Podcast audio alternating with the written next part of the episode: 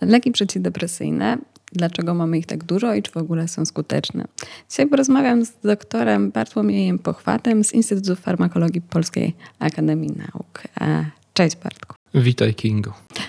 Ja nazywam się Kinga Połoszyn-Hochol, jestem psychologiem, psychoterapeutką i zajmuję się między innymi psychofizjologią emocji. A tak na początku myślałam, że możemy wrócić do momentu, w którym leków przeciwdepresyjnych nie było wcale. I wcale nie było to tak dawno temu, bo jeszcze na początku lat 50. Jakie były opcje wcześniej? Śpiączki insulinowe, które były potencjalnie niebezpieczne i prowadziły do znacznych skutków ubocznych. E, leczenie gorączką, czyli celowe zarażanie pacjentów e, malarią, a także terapie konwulsyjne, e, które mogły prowadzić nawet do złamań kości i znowu dotkliwych skutków ubocznych i potencjalnie niebezpiecznych dla zdrowia konsekwencji. Ponadto żeby warto zauważyć to, że leczono przede wszystkim pacjentów e, psychotycznych, bo tacy pacjenci znajdowali się w szpitalach psychiatrycznych, w wielkich molochach, w których w zasadzie zabezpieczano otoczenie przed osobami potencjalnie e, agresywnymi w stosunku do innych osób czy w stosunku do siebie. Raczej nie interesowano się depresją. Biorąc pod uwagę Mm, ówczesny stan wiedzy i dostępnych metod, nie powinno nas dziwić to, że w momencie, w którym odkryto pierwszy lek przeciwpsychotyczny, chloropromazyna, środowisko medyczne niezwykle się ucieszyło. By powstała nadzieja dla całej masy ludzi, którzy wcześniej nie mieli najmniejszych szans na remisję, na powrót do e, normalnego funkcjonowania. E, a jak było z depresją? E, pierwszy lek przeciwdepresyjny odkryto zupełnie przez przypadek. Ja bardzo lubię historię odkrycia całego leku, bo jest pełna pasji, pełna determinacji młodego lekarza Rolanda Kuna, który pracował w Szwajcarii, do którego odezwała się firma farmaceutyczna, żeby zlecić mu testowanie skuteczności potencjalnych nowych leków przeciwpsychotycznych na pacjentach w jego placówce podjął zadanie, natomiast okazało się, że e, lek, który miał testować, e, był nieskuteczny. A co postanowił zrobić? W na własną rękę postanowił podać tę substancję pacjentom, e, pacjentom z depresją. Natomiast okazało się, że firma farmaceutyczna, z którą współpracował, zupełnie nie była zainteresowana odkryciem leków na depresję, bo wtedy powstała taka pogoń za coraz bardziej nowoczesnymi, coraz bardziej skutecznymi lekami przeciwpsychotycznymi, bo firma, która sprzedawała chloropromazyna, osiągnęła sukces kasowy, który inni chcieli powtórzyć. A Kun próbował przekonać firmę, ale wciąż nie była zainteresowana, a później wygłaszał wystąpienia na konferencjach, mówiąc o tym, co z naszej perspektywy dzisiaj było niezwykle przełomowe, ale nie było interesujące dla jego, a, dla jego kolegów i dla firm farmaceutycznych. Aż do pewnego momentu, w którym e, akcjonariusz firmy farmaceutycznej zgłosił się do Kuna, ponieważ jego żona cierpiała na ciężką depresję. Poprosił go o pomoc, a Kun podał E, podał testowaną substancję, która okazała się w przypadku, w przypadku żony niezwykle skuteczna. W związku z tym akcjonariusz zaczął przekonywać firmę farmaceutyczną do tego, żeby kontynuować badania nad tą substancją, a później ostatecznie prowadzono e, ją na rynek. Substancja, o której mowa to imipramina, czyli trupieszczeniowy lek przeciwdepresyjny, który należy do grupy, która ciągle jest stosowana obecnie. Drugi wprowadzony na rynek lek przeciwdepresyjny pierwotnie był substancją, którą podawano pacjentom cierpiącym na gruźlicę. Zaobserwowano, że poprawia ona e, ich nastrój i rozpoczęto badania nad możliwym działaniem przeciw, e, przeciwdepresyjnym. Substancja ta należy do drugiej z grup ciągle aktualnie stosowanych leków przeciwdepresyjnych, czyli inhibitorów monoaminooksydazy, czyli substancji enzymu, który rozkłada monoaminę, czyli serotoninę, którą a, wszyscy kojarzą z depresją, noradrenalinę a, i a, dopaminę. Jak było później? Wydaje się, że później opracowywanie leku było mniej już dziełem przypadku, a więcej systematycznej pracy i odkryć naukowych. Bartku, czy zgodziłbyś się ze mną w tej kwestii? Tak, zgodziłbym się z Tobą w tej kwestii, że faktycznie zarówno imipramina, jak i iproniazyt to były odkrycia przypadkowe, natomiast potem, zwłaszcza od lat 60., kiedy sformułowano główną hipotezę dotyczącą tych leków, czyli że to są związki zwiększające stężenie monoamin w synapsie, to poszukiwano takich leków, które właśnie zwiększałyby stężenie monoamin w synapsie i to już były badania kierunkowe. Następnie, innymi w wyniku łączenia mechanizmu hamowania wychwytu zwrotnego serotoniny, hamowania wychwytu zwrotnego noradrenaliny powstawały nowe leki.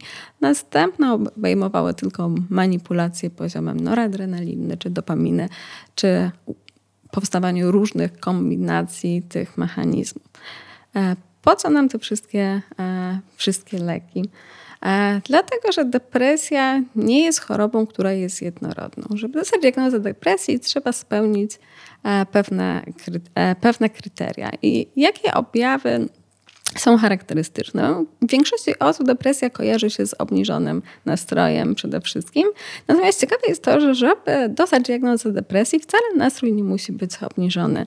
Drugim z charakterystycznych objawów jest anhedonia, czyli niezdolność albo obniżona zdolność do odczuwania przyjemności z tego, co wcześniej było uważane, było doświadczane jako przyjemne. Mamy też depresji objawy bardziej poznawcze, czyli samokrytyczne myśli, czy pesymistyczne myślenie na temat swojej teraźniejszości czy przyszłości, czy też myśli samobójcze albo poczucie, poczucie winy. Mamy też takie biologiczne, fizjologiczne objawy związane z dysregulacją snu. I tutaj warto zwrócić uwagę na to, że w depresji może występować zwiększona senność, ale może występować też bezsenność. Podobnie jest z apetytem. Możemy zaobserwować zwiększenie apetytu, możemy zaobserwować zmniejszenie e, e, apetytu, a, a także osoba w depresji może być albo taka bardziej lękowo wzbudzona, i nerwowa, ale może być zahamowana psychoruchowo. To znaczy, myślenie może być wolniejsze i bardziej wysiłkowe, ale także poruszanie się może być, e, może być trudniejsze. I właśnie z tej złożoności objawów depresji, z tego, że możemy mieć kilka osób z depresją, które funkcjonują zupełnie inaczej, wynika potrzeba różnych substancji, wynika potrzeba różnych ludzi. Bo proszę sobie wyobrazić to, że pacjentom, którzy są wzbudzeni lękowo, którzy odczuwają niepokój, podajemy lek, który zwiększa poziom noradrenaliny, którą pewnie wszyscy e, kojarzą z reakcji walki ucieczki, czy po prostu pobudzenia e, organizmu.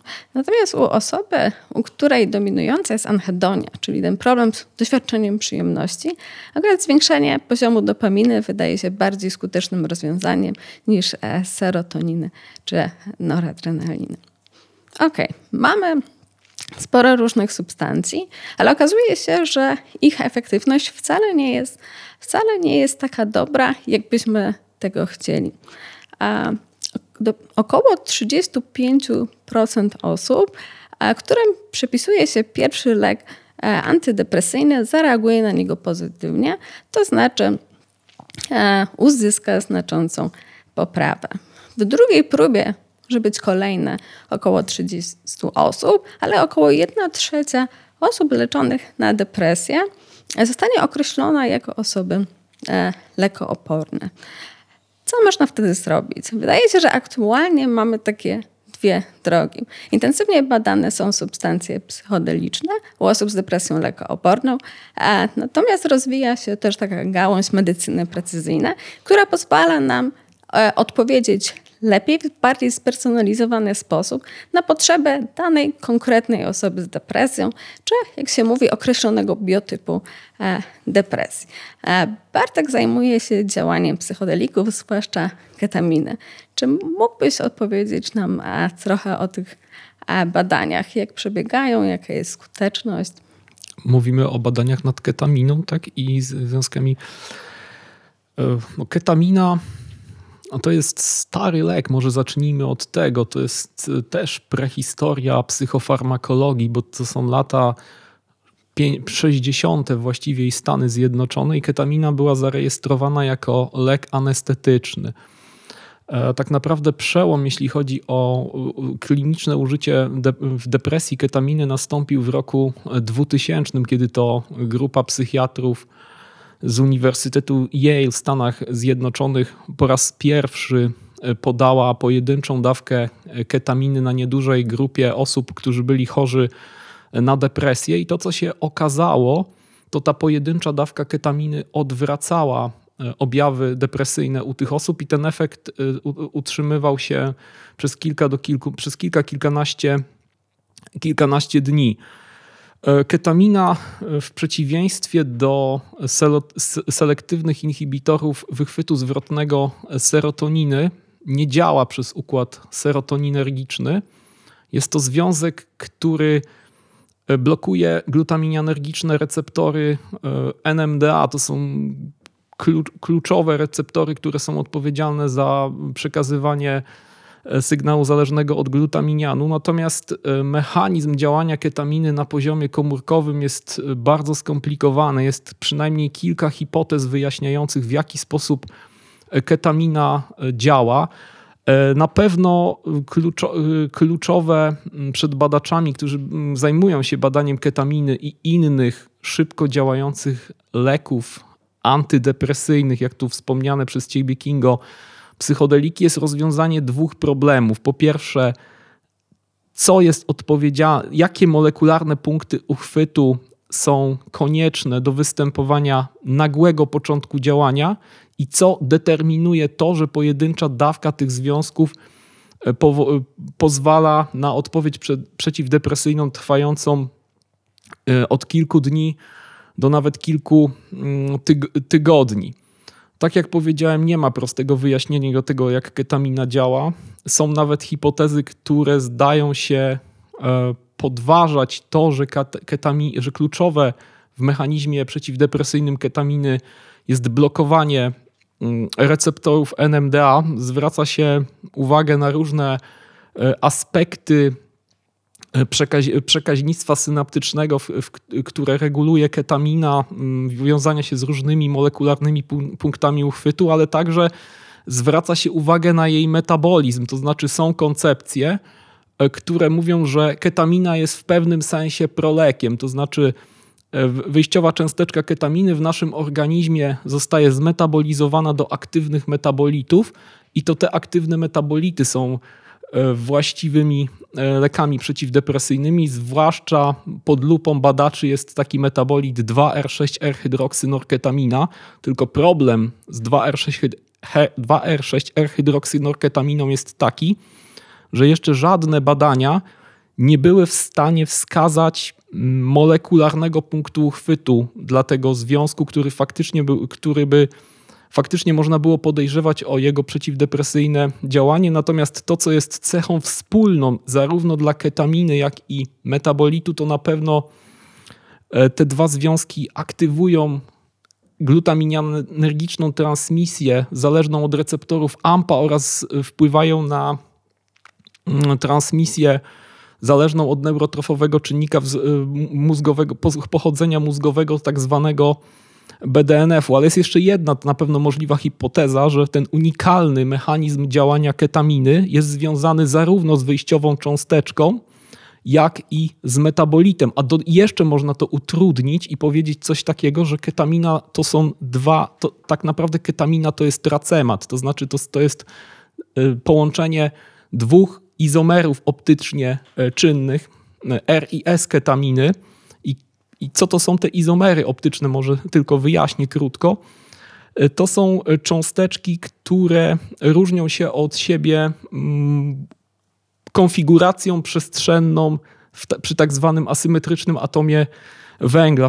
Fizykochemicznie to wygląda w ten sposób, że po prostu mm, związki te mm, w różny sposób skręcają płaszczyznę światła spolaryzowanego w polarymetrze, ale to, co dla nas jest najważniejsze, dla farmakologów czy biologów zajmujących się mechanizmami działania leków, to to zróżnicowanie przestrzenne podstawników przy tym, przy tym asymetrycznym atomie węgla generuje to i determinuje, w jaki sposób te związki wiążą się z biologicznymi strukturami, jakimi są receptory. I na przykład enancjomer R-ketaminy wiąże się słabiej do receptora NMDA, enancjomer S mocniej. I z każdego z tych enancjomerów powstają aktywne, mogą powstawać aktywne metabolity, które mogą aktywować innego typu wewnątrzkomórkowe e, szlaki przekazywania sygnału, co ostatecznie może wpływać na pełny profil działania przeciwdepresyjnego ketaminy. natomiast jeszcze... Skomplikowałeś, mhm. muszę przyznać. To może odrobinę ułatw. E, naszym słuchaczom, że warto zacząć od tego, no bo nie dla wszystkich może być to oczywiste, że ketaminy nie podaje się w postaci tabletek, a wlewów e, dożylnych, e, powtarzanych. Wspomniałaś też o esketaminie, może też obiło się Państwu o uszy, bo jest to lek przeciwdepresyjny podawany w postaci sprayu, sprayu donosowego. Okay. Mówiłeś o mechanizmie działania, potencjalnym mechanizmie przeciwdepresyjnego działania ketaminy, natomiast jest taka druga kwestia, może dla niektórych bardziej interesująca, bo też może łatwiejsza w zrozumieniu.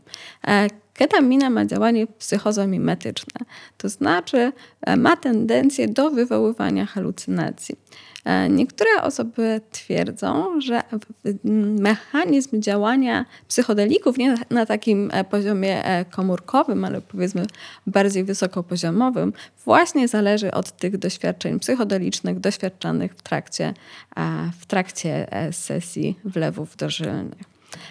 Czy tak jest? Czy doświadczanie halucynacji podczas terapii ketaminą jest konieczne do tego, żeby zadziałała ona antydepresyjnie? E, wiesz co?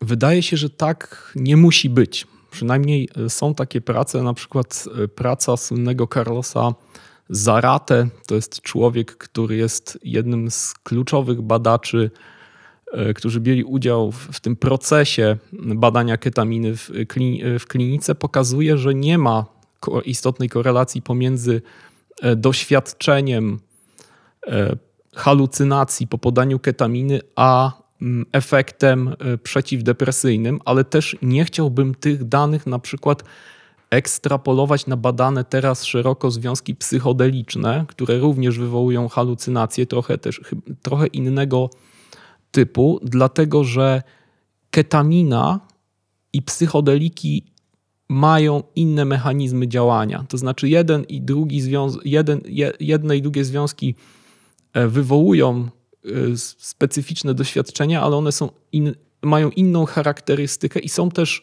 y, badania naukowe, na przykład grupy Karla Deizerota, y, które pokazują mechanizm wywoływania tego efektu dysocjacyjnego, który jest obserwowany po ketaminie i tam, są, tam jest badanie także porównawcze tego mechanizmu, czy ten mechanizm występuje na przykład po podaniu serotoninergicznego psychodelika LSD i tego mechanizmu nie ma, więc będąc ścisłym, wydaje się, że ciężko jest, trudno jest powiedzieć, żeby była korelacja pomiędzy doświadczeniem psychodelicznym a działaniem ketaminy. Natomiast jeśli chodzi o psychodeliki serotoninergiczne, to to jest tak naprawdę te badania są ciągle e, prowadzone, ale faktycznie jest tak jak mówisz. Wiele osób zakłada, że to doświadczenie psychodeliczne jest kluczowe.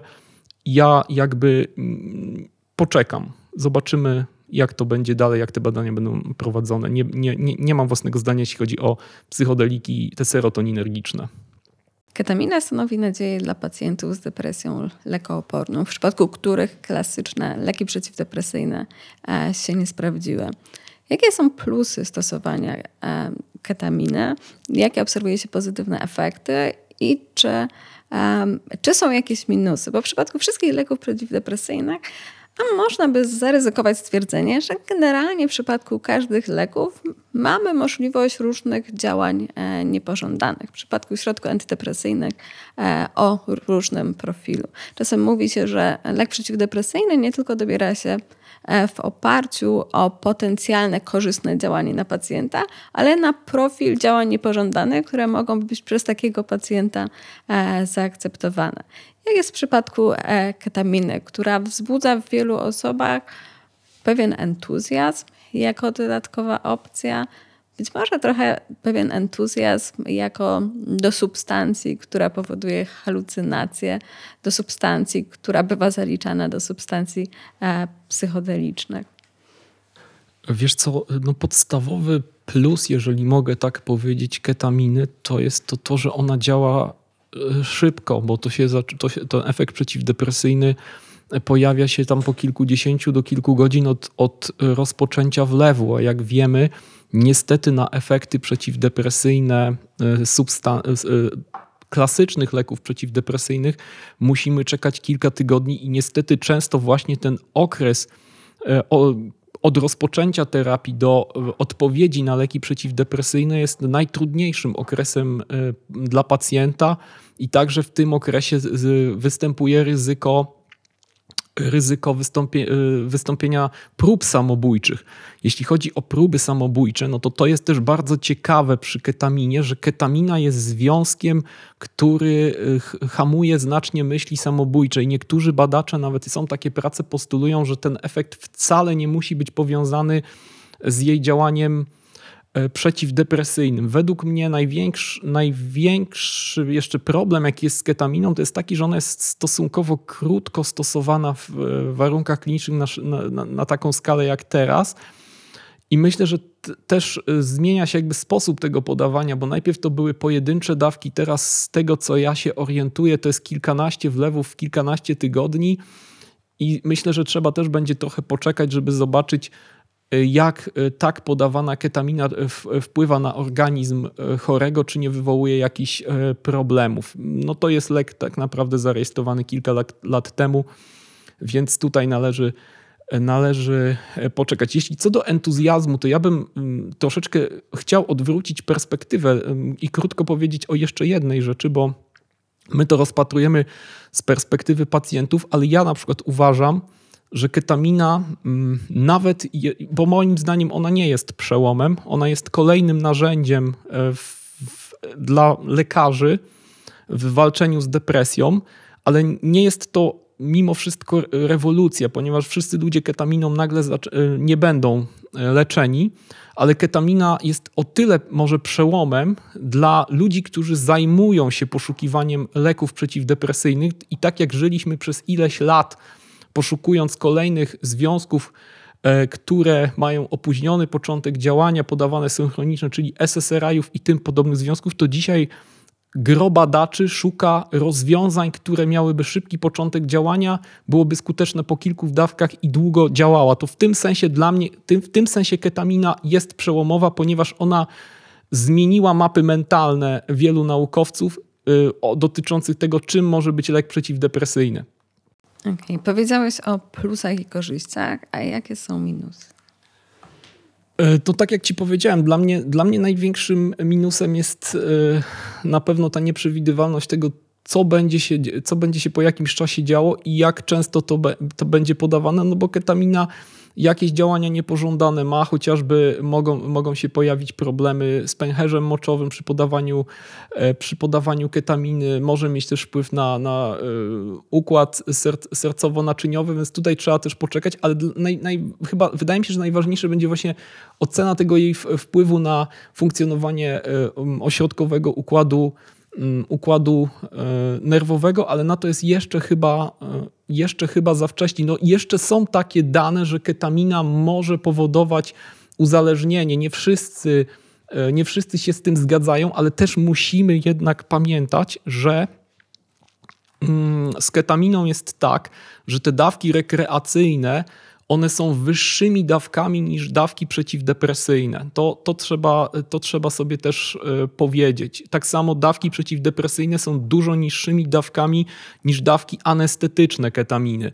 Więc to jest ta, to jest ta podstawowa różnica i tym samym te efekty psychogenne ketaminy są słabsze też u ludzi, e, którzy są leczeni nią na depresję niż e, na przykład w przypadku, niż w przypadku anestezji czy też użycia tego jako substancji rekreacyjnej.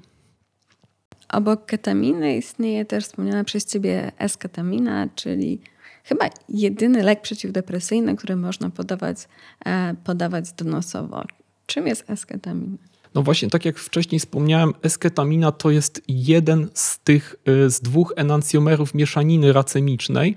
Z punktu widzenia y, biologii, każdy, każdy z tych enancjomerów ketaminy i, mm, i racemat, czyli, czyli mieszanina enancjomerów, mają zróżnicowane powinowactwo do receptora tego NMDA, o którym wspominałem. I ze sketaminą jest tak, że ona ma najsilniejsze powinowactwo i też wywołuje najsilniejsze efekty e, psychogenne. Generalnie jest to związek, który jest w działaniu podobny do racemicznej ketaminy. Ale chyba w praktycznym użyciu mm, dużo osób odbiera esketaminę jako coś bardzo nowoczesnego, między innymi e, przez drogę e, podania. Mm, terapia esketaminą jest bardzo, e, jest bardzo kosztowna. Ona nie należy do standardowego, standardowego leczenia. Natomiast e, jakiś czas temu czytałam badania, które były przeprowadzone już po wejściu esketaminy e, na rynek przez niezależny ośrodek, więc nie mamy tutaj konfliktu interesów badaczy i firm farmaceutycznych, która pokazała, że po kilku podaniach e, i z tego co pamiętam, po trzech tygodniach działanie esketaminy nie różniło się od skuteczności działania placebo. Więc pokazują, że może wbrew entuzjastycznym e, publikacjom e, badań przed wprowadzeniem e, na rynek, wcale sketamina może nie być tak skuteczna, jak producenci deklarują. Wiesz, wiesz, jak ja bym się w ogóle do tego odniósł? Ja przyznaję, ja tych badań nie znam, ale mm, odniósłbym się do tego w ten sposób. To jest moje, to jest moja opinia na ten temat. To znaczy, mnie zaskoczyło, przyznam szczerze, w ogóle, że zarejestrowano esketaminę jako, jako lek przeciwdepresyjny stosowany w, u pacjentów opornych, dlatego że wszelakie badania na gryzoniach pokazywały, że aktywniejszym enancjomerem jest erketamina. Co więcej, jest aktywniejszym i ma mniejszy potencjał do wywoływania działań niepożądanych. Po drugie, większość badań, stosowa- które były w klinice prowadzone, były prowadzone z racematem, czyli z mieszaniną, który także zawierał erketaminę. Więc jakby decydując się na rejestrację esketaminy, usunięto ten enancjomer erketaminy, więc być może ten efekt jest jakoś osłabiony, aczkolwiek to są też jedne badania. W innych badaniach trzeba pamiętać, mm, że esketamina, e, esketamina działa i tak jak mówię, mnie się wydaje, że czas zweryfikuje to, jak to faktycznie e, jest skuteczne. No, mm, nie wiem też, jaki tam był dobór, jaki tam był dobór pacjentów. No ciężko, ciężko mi jest się do tych psychiatrycznych mm, kwestii odnosić, ale podsumowując, ja byłem zdziwiony, że lekiem jest esketamina. Ze względu, y, które przed chwilą wspomniałem. Mm.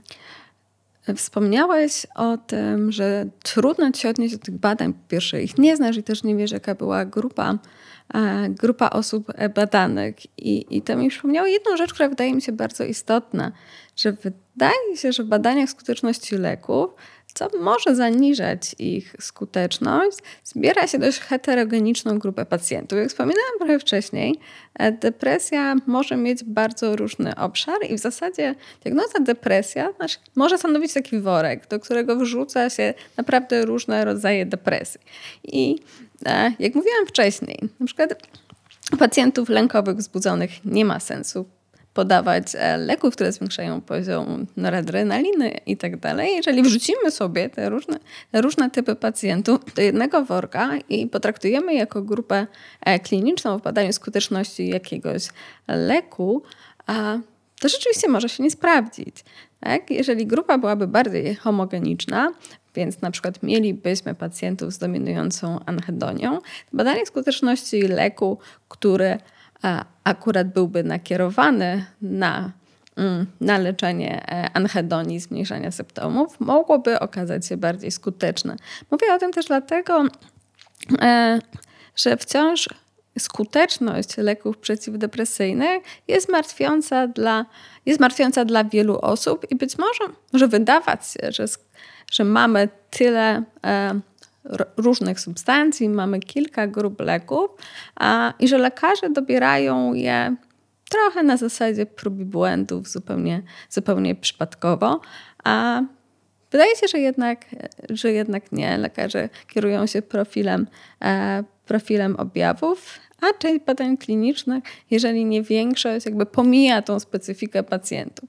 Być może w praktyce klinicznej możemy mówić o pewnego rodzaju dość e, prymitywnej personalizacji doboru leków, a w badaniach skuteczności a takiej personalizacji doboru, doboru grupy nie ma. To jest taka rzecz, która przyszła mi do głowy, jak Ja się z tym zgadzam.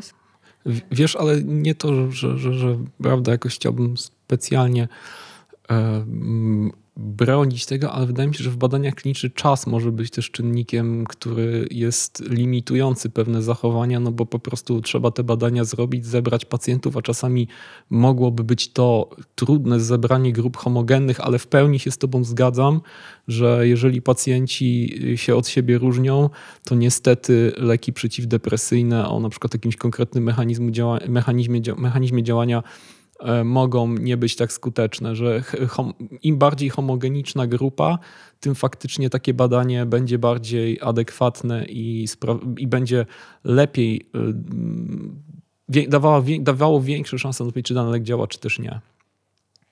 Tak. E, rzeczywiście, czas może być tu istotny, bo dziwiło mnie trochę to, dlaczego firmy farmaceutyczne mm, nie podchodzą do badań w sposób, który byłby dla nich ostatecznie bardziej korzystny, bo może zebranie bardziej homogenicznej grupy a dawałoby lepsze efekty, efekty skuteczności. I jakoś tak zastanawiałam się e, nieraz czemu, czemu firmy wybierają strategię, która potencjalnie może być dla nich niekorzystna, natomiast tak presja czasu może być tym bardzo praktycznym czynnikiem, e, dlaczego tak to wygląda. E, mówiłeś sporo o ketaminie, która ma działanie halucynogenne, natomiast jest odmienna niż e, inne psychodeliki, o których e, mówi się aktualnie. Aktualnie prowadzi się badanie między innymi nad działaniem e, psylocybiny, ale nie tylko. Na czym polega ich odmienność? Dlaczego nie można ich wrzucić do jednego worka z ketaminą czy z ketaminą? Dlatego ich nie wolno wrzucać do jednego worka z esketaminą, czy ketaminą, czy z racematem ketaminy, ponieważ te związki mają zupełnie inny molekularny punkt uchwytu.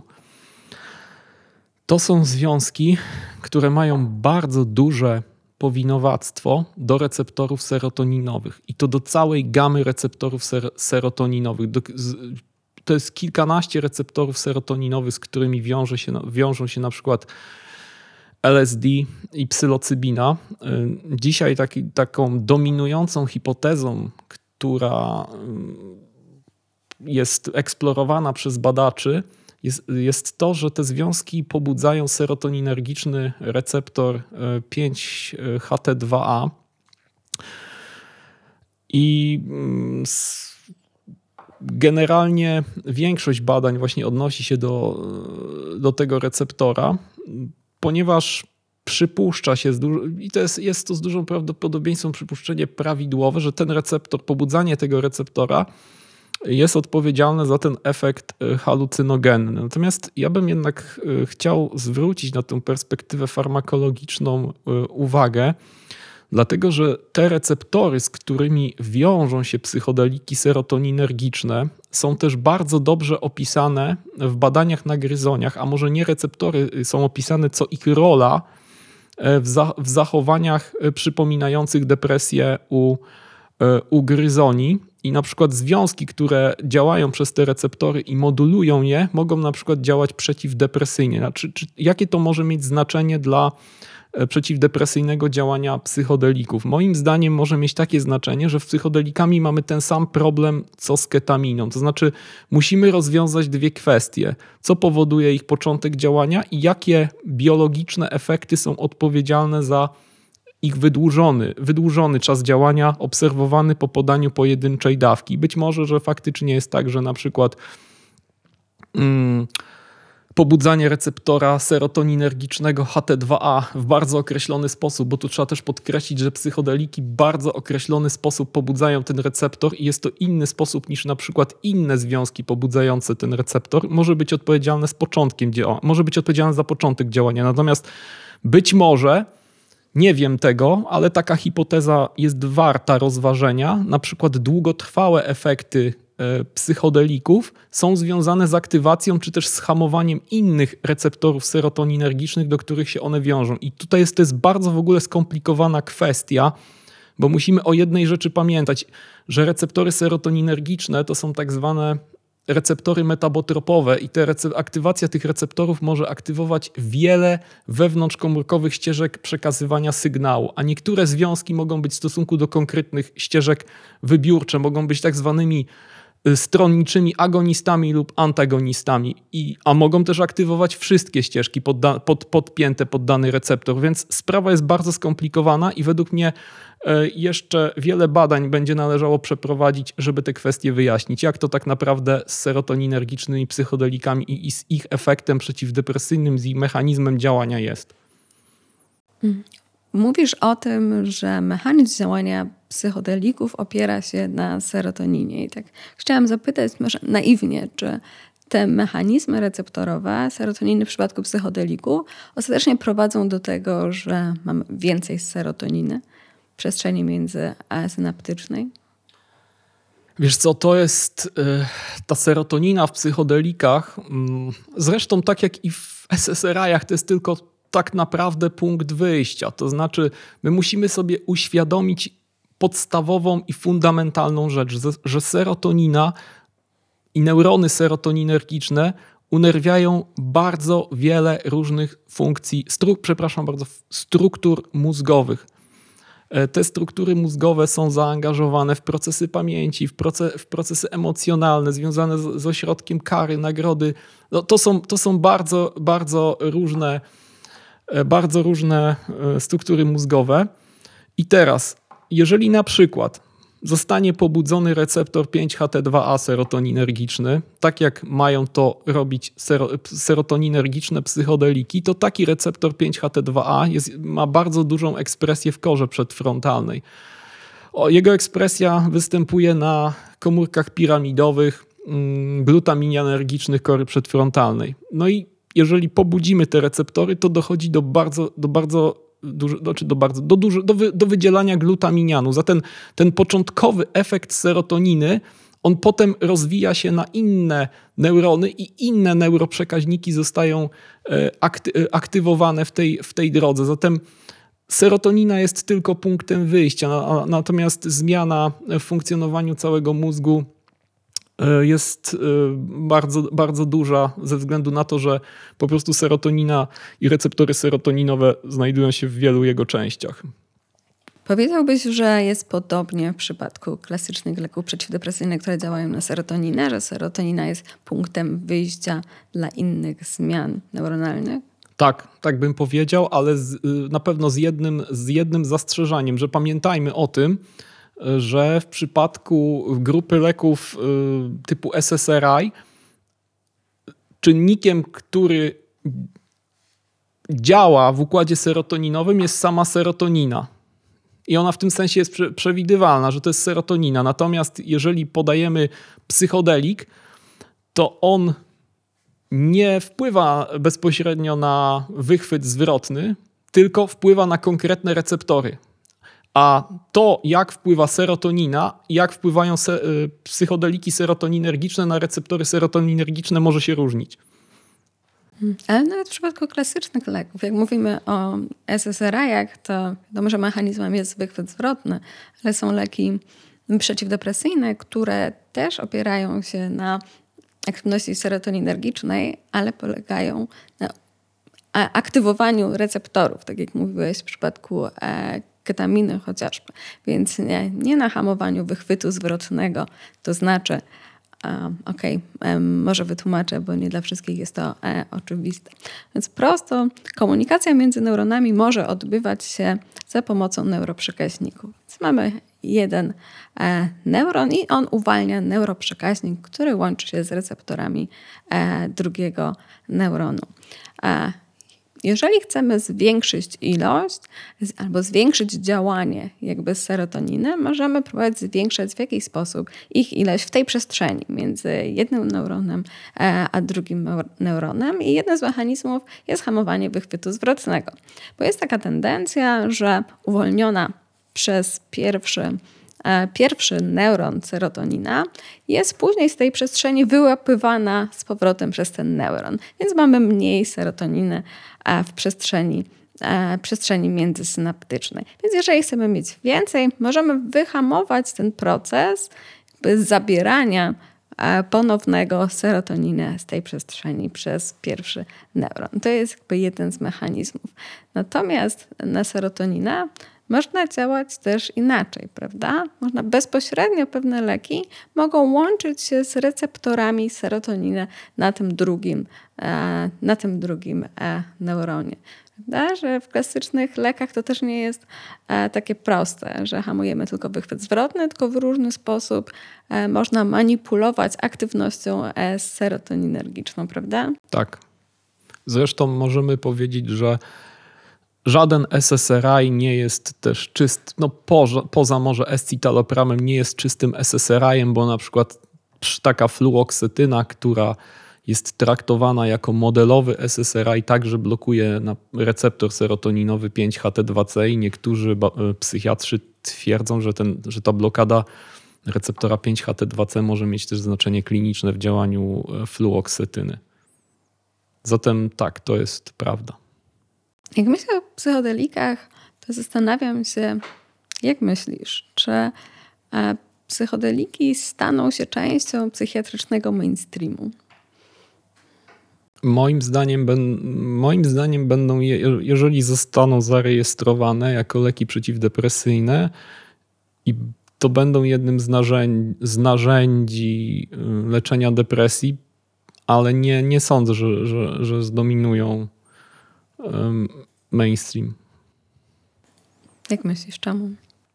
Chociażby dlatego, że sama ta, ta terapia nie jest taka prosta, bo to się, to się przyjmuje w odpowiednich warunkach. Trzeba do tego przeszkolonych terapeutów. E, poza tym też są grupy pacjentów, u których psychodelików najprawdopodobniej nie będzie można podawać. To są pacjenci, y, którzy mają obciążenie genetyczne, na przykład schizofrenią i chorobą dwubiegunową. Pacjenci z jakąś depresją, która mm, może się charakteryzować występowaniem jakichś psychos, no to będą, będą ograniczenia. Poza tym też nie, wiadomo, nie, nie do końca y, wiadomo, E, jak psychodeliki będą wpływały na ludzi w zależności od grupy wiekowej. To, takich, takich, badań, takich badań nie ma. A poza tym no, widziałem ostatnio takie było badanie kliniczne e, opublikowane, gdzie pojedyncza dawka psylocybiny wywoływała 3 tygodnie, odpowiedź przez 3 tygodnie, zmniejszała objawy depresji po trzech miesiącach to zanikało. Szkoda, że nie porównywano w tym badaniu ketaminy, ale no to nie był wynik y, oszałamiający. Też tam były działania niepożądane, które, które się u tych ludzi e, pojawiły, ale wiesz co, ja, ja, ja bym na jedną rzecz zwrócił uwagę, że to, co w psychodelikach jest ciekawe z mojego punktu widzenia, to to, że jeżeli te badania się zaczną, one się, właściwie one się zaczęły zarówno w badania kliniczne, jak i przedkliniczne, to te cząsteczki są świetnym punktem wyjścia dla, do ich modyfikacji.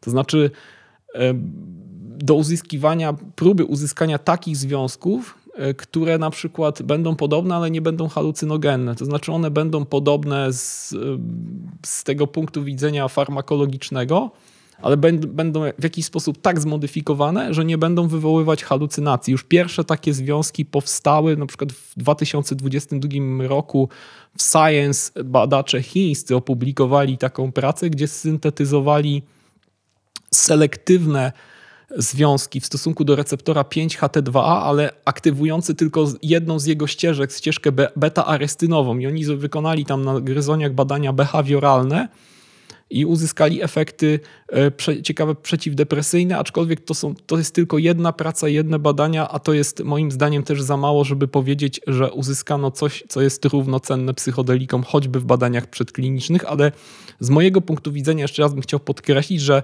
te substancje są bardzo właśnie ciekawe jako y, punkt wyjścia do syntezy nowych związków i może te nowe związki, gdyby na przykład były związkami, które działają po jednej dawce i działają długo, byłyby y, możliwe na, do zastosowania na szerszą skalę, ale ja, ja uważam, że to jest kolejne, to może być kolejne narzędzie w rękach y, psychiatrów do leczenia depresji.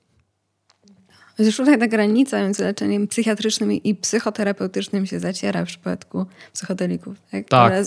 Bo mówiłeś o, o tym, że trzeba wyszkolonych, wyszkolonych terapeutów, więc rzeczywiście trudno przenieść do mainstreamu coś, co wymaga określonego, e, określonego e, settingu, dłuższych sesji, tak zwanej integracji e, psychodelicznej, bo to nie są substancje, które można przyjmować codziennie rano jako tabletki. Chyba, że, bo jak, jak mówiłeś o tych najnowszych badaniach, których wyizolowano tylko jedną substancję z psychodelików, która miała specyficzne działanie, jaką to mogłoby mieć postać? Czy to mogłaby być postać po prostu zwykłych tabletek? To znaczy chodzi ci o to, że na bazie y, struktury psychodelików syntetyzowano związek, tak? O to chodzi? Tak, o tym badaniu Science, o którym e, mówiłeś. Tak, to znaczy oni, oni ci Chińczycy po prostu e, modyfikując strukturę psychodelików syntetyzowali nowy związek, który na myszach nie, nie ma, przynajmniej te, te, te testy, które się stosuje na gryzoniach, pozwala sądzić, że nie ma efektu halucynogennego. No to jeżeli nie byłoby efektu halucynogennego, a działałoby, no to wówczas myślę, że w tabletce można by to, można by to podawać. Ale to, są, to jest bardzo długa droga. To, jest, to są jedne badanie, jedna, jedna grupa związków, ale bardzo ciekawa. Dobrze, że podkreślasz, że to jest jedno badanie, e, jedno badanie e, na gryzoniach, natomiast to byłoby niezwykle ciekawe, gdyby okazało się, że właśnie ten efekt halucynogenny nie jest potrzebny do tego, żeby psychodeliki e, zadziałały. Myślę, że to złamałoby serca wielu fanów psychodelików. Wiesz co, to jest dokładnie ten sam przypadek jak z ketaminą. Ideą regulatywną postępowania naukowców, którzy szukają nowych związków, które w jakimś sensie są, są podobne do ketaminy, jest uzyskać związek, który działa podobnie jak ketamina, albo lepiej i nie wywołuje tych efektów halucynogennych. I to samo moim zdaniem będzie odnosiło się do E, poszukiwań analogów psychodelików syntetycznych. I według mnie przejdziemy tą samą drogę, że będą próby syntezy tego typu związków. Ja nie wiem, czy one zakończą się sukcesem. Może zakończą, może nie, ale to, to jest, ta sama, sytu, to jest ta, ta sama sytuacja, że marzeniem jest zrobienie związku, syntetyzowanie takiego związku, które zachowa profil kliniczny cząsteczki wyjściowej, czy to ketaminy, psylocybiny, czy LSD, ale bez tego działania halucynogennego. I, I, tak moim zdaniem właśnie bardzo wiele mm, laboratoriów będzie działać, które zajmuje się syntezą związków, że cząsteczki będą, te cząsteczki bazowe mm, punktem wyjścia i będzie poszukiwanie różnych y, analogów. Z zaciekawieniem czekam ja na, też. na dalsze badania. Ale wiesz, na co ja najbardziej czekam? Ja nie mogę się szczerze mówiąc doczekać jednej rzeczy. Nie mogę doczekać się porządnych, dużych testów klinicznych R-ketaminy i 2R6-R-hydroksynerketaminy, czyli tego metabolitu. Wiem, że, moja, wiem, że ten 2R6-R-hydroksynorketamina ma, mają być testy kliniczne. Moja koleżanka była na takiej konferencji i był tam, był tam naukowiec, jeden z najważniejszych naukowców badających e, przedklinicznie ten metabolik i mówił, że te testy są planowane, więc nie mogę, ja się tego nie mogę doczekać, bo jeżeli to by zadziałało, to najprawdopodobniej też mielibyśmy cząsteczkę, która działa po, po jednej czy tam po kilku dawkach i działa dłużej, bo 2R6-R-hydroksynorketamina także jest związkiem niewywołującym efektów psychogennych. To trzymajmy kciuki Trzymajmy. za pomyślne, e, pomyślne wyniki badań. Tak, e, zmierzając do końca, mm, właśnie jedną z odpowiedzi na niesatysfakcjonującą, na skuteczność klasycznych leków przeciwdepresyjnych jest poszukiwanie nowych substancji. Jak można zaliczyć e, tu szybko działające leki przeciwdepresyjne, ketaminę, można zaliczyć tutaj psychodeliki. Jak e, kilka razy wspomniałeś, dla ciebie te substancje to będą po prostu nowe narzędzia w rękach psychiatrów, które możemy wykorzystywać e, w leczeniu, psychiat- leczeniu psychiatrycznym. Okay. Czyli tych substancji i tych narzędzi mamy już całkiem sporo. Jak sobie pomyślimy, to oprócz leków mamy też metody neuromodulacyjne, w tym terapię elektrowstrząsową czy czy stymulację e, magnetyczną. Więc powstaje pytanie, jak taki psychiatra może zdecydować, która substancja, która metoda będzie najbardziej skuteczna dla danego pacjenta. I tutaj wchodzi w grę rozwijający się nurt spersonalizowanej czy precyzyjnej medycyny, tutaj psychiatrii, która miałaby właśnie dostarczyć całej masy danych na temat e, konkretnej osoby, co pozwoliłoby na na konkretny dobór leku, dawki tego leku, a nawet jak twierdzą e, niektórzy autorzy, pozwoliłoby na wyznaczenie najlepszego momentu na psychoterapię, na przykład skojarzenie psychoterapii, e, psychoterapii e, z lekami. Taką, takim ideałem, o którym czytałam, który Przyznam, że trochę, e, trochę mnie zadziwił, bo wydaje mi się, być może mało efektywny, mało optymalny i zdecydowanie koszmarnie kosztowny byłoby to, że, że przy dobieraniu leczenia mielibyśmy dostępnych szereg informacji. I byłyby to informacje a, oczywiście na temat objawów danej osoby, ale byłyby to informacje z badań e, neuroobrazowych, zarówno z tego, jak wygląda struktura czyjegoś mózgu, jak dany mózg mózg danej osoby działa w określonych e, zadaniach, czy to związanych z emocjami, czy to związanych na przykład z uwagą e, czy językiem. Też tak zwane biomarkery, czyli substancje, e, które można zmierzyć na przykład na podstawie w badaniach, w badaniach laboratoryjnych, które zdradzają nam powiedzmy specyfikę depresji danej osoby. To także miało być dane biometryczne, takie zbierane z zegarków, ale też styl życia, więc dieta, nawyki, jeżeli chodzi e, o sen, historia rodzinna, historia kliniczna i pojawiło się tam szereg różnych rzeczy. I dopiero zebranie tych rzeczy w całość e, miałoby umożliwić jak najbardziej precyzyjne i skuteczne dobranie terapii dla danego pacjenta. I trochę takich badań się prowadzi, wyznaczając jakieś pojedyncze biotypy depresji, ale raczej na podstawie pojedynczych badań, na przykład na podstawie e, badań neuroobrazowych, które pokazują, że u różnych osób z depresją, na przykład różne połączenia między kluczowymi strukturami dla depresji mogą być na przykład osłabione w porównaniu do osób e, zdrowych, mogą być nasilone w porównaniu do osób zdrowych, przed wdrożeniem jakiejkolwiek terapii, farmakoterapii. A i to pozwala na przewidywanie z dość sporą e, skutecznością tego, na jakie leki przeciwdepresyjne dana osoba ma szansę e, zareagować. Zareagować e, lepiej, wejść w remisję, doświadczyć redukcji objawów. Przyznam, że jest to dosyć kusząca wizja w której moglibyśmy po pierwsze e, przekonać się, na ile pewne osoby są lekooporne, czy depresje lekooporne, na które wcale nie, tylko po prostu nie udało się dobrać właściwego leku do, do danej osoby, ale też zaoszczędzić tego, czego wiele osób, bardzo wiele osób doświadcza, czyli testowaniu kilku leków przeciwdepresyjnych, zanim uda się trafić na ten, który w satysfakcjonujący sposób redukuje objawy i którego skutki uboczne nie są uciążliwe dla danego, danego pacjenta. Co o tym myślisz? Realistyczne? Wiesz co, nie wiem czy realistyczne. Pewnie z punktu widzenia mm, medycznego byłoby to świetne rozwiązanie, tylko że ja się cały czas boję, kto byłby dysponentem takich danych.